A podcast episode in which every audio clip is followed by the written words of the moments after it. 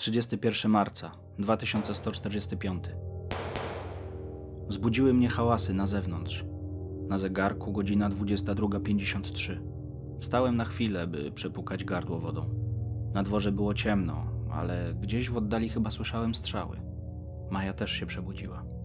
Przed domem nie było nawet żywego ducha. Zaraz po 23 usłyszałem kolejne hałasy. Tym razem dobrze się przysłuchałem. Krzyk, a potem strzał. Na nie doczytałem coś o zamieszkach w miastach, ale było już za późno. Oczy same mi się zamykały. Nie chciałem denerwować Mai bardziej. W stanie gotowości położyliśmy się z powrotem i mocno ją przytuliłem. 10 kwietnia 2145. Najgorsze były noce, ale tym razem właśnie 10 kwietnia strzały padały w ciągu dnia, czasami nawet całe seria. Jakby dwie grupy stojące naprzeciwko siebie wymieniały się ogniem do wyczerpania magazynków. Manifestacje oburzonej społeczności wyszły na ulicę. Daleko od domu, około 14.12, na niebie pojawił się czarny dym. Skojarzyłem, że musi być to komisariat albo ratusz. Nie jestem w stanie powiedzieć dokładnie, czy ktoś ucierpiał. Czasami na niebie pokazywał się niszczyciel, który już samym rykiem silników przeganiał obywateli. Helikoptery i myśliwce patrolowały przestrzeń. Niestety nie miałem czasu pisać notatek, a szczątkowe opisy ledwo zapełniały ćwierć strony.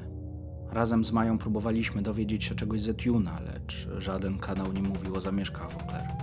O 16.21 pojawiły się następne kłęby dymu. Coraz częściej słyszeliśmy syreny policji i bębny protestujących przerywane serią broni maszynowej. Wtedy dostawę prowiantu miał przynieść Harry, ale pojawiła się pani Blanchard. Była przestraszona i niechętnie przyszła z żywnością.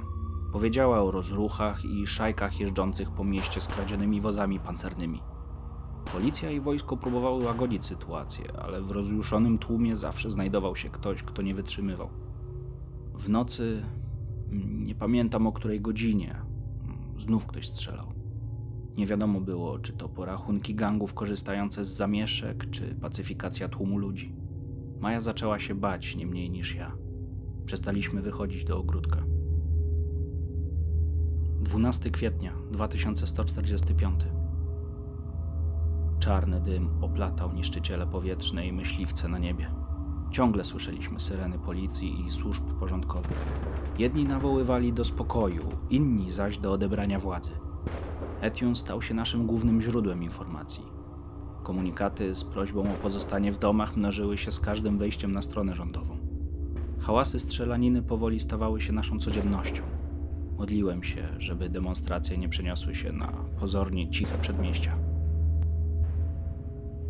15 kwietnia 2145. Z domu naprzeciwko wyprowadzili się Flendersonowie. Wzięli jedynie małe walizki i szybko ruszyli na przystanek autobusowy.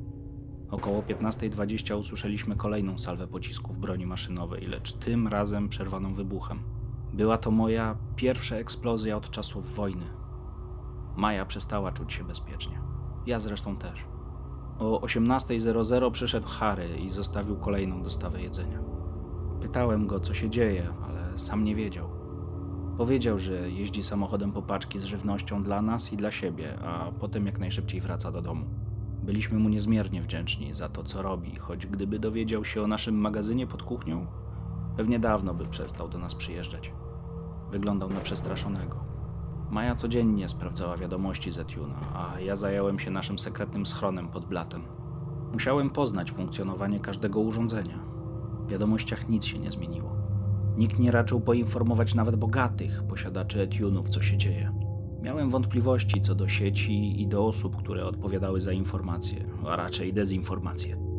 Około 19.30 usłyszałem wołającą Maję z salonu. Myślałem, że dowiemy się czegoś więcej. Do domu Flendersonów naprzeciwko weszła dwójka mężczyzn. Harry wspomniał coś o podstawionej ochronie pod nasz dom, ale w przeciwieństwie do tych poprzednich nawet nie przyszli się przywitać ani poinformować o swojej obecności. W sumie nie dziwiłem się.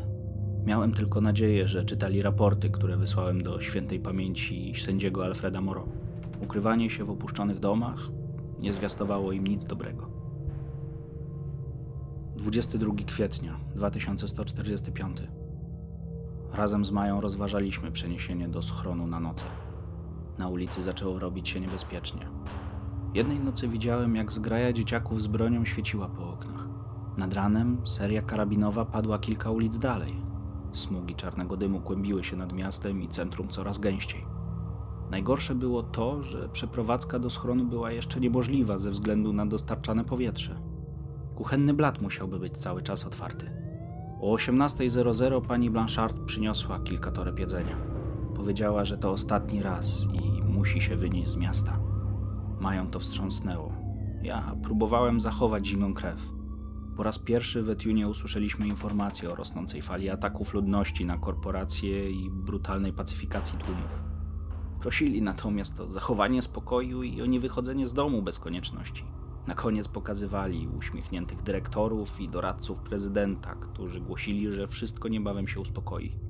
Jak zauważyłem, kit wciskali nie tylko najniższej klasie społecznej. 24 kwietnia 2145. W końcu, po kilku dniach zwłoki, udało mi się ustabilizować pracę filtrów. Około 12.45 Majersowie i najmłodszy Rodriguez wyprowadzili się z sąsiedztwa bez słowa. Powoli nasza ulica stawała się wyludniona, co było świetną okazją dla szabrowników i okolicznych gangów. Wieczorem znieśliśmy nasze rzeczy do schronu. 12 maja 2145. Dźwięk strzałów ustał. Czarne kłębowiska dymu ustąpiło za rejonem na niebie niszczycielom i myśliwcom sił powietrznych. Przez chwilę wydawało mi się, że słyszałem krążownik, ale nie miałem odwagi wychodzić przed dom. Maja znalazła sobie zajęcie. Całymi dniami próbowała naprawiać radio lub reorganizowała kartony w schronie. Po odejściu pani Blanchard żywność przynosił nam Harry, z tym, że przestał przychodzić regularnie o tej samej godzinie. Raz była to 14.30, a raz 18.20. Mój szef z fundacji kategorycznie zabronił mi i Mai opuszczać dom Jeffa, choć wiadomość została dostarczona przez Harego. Niestety nie mógł osobiście mi tego powiedzieć, bo siedział w Europie na jakimś szczycie pokojowym. Przeczuwałem coś w powietrzu, a ja też. Chyba tylko głupi by nie wiedział, do czego to zmierza.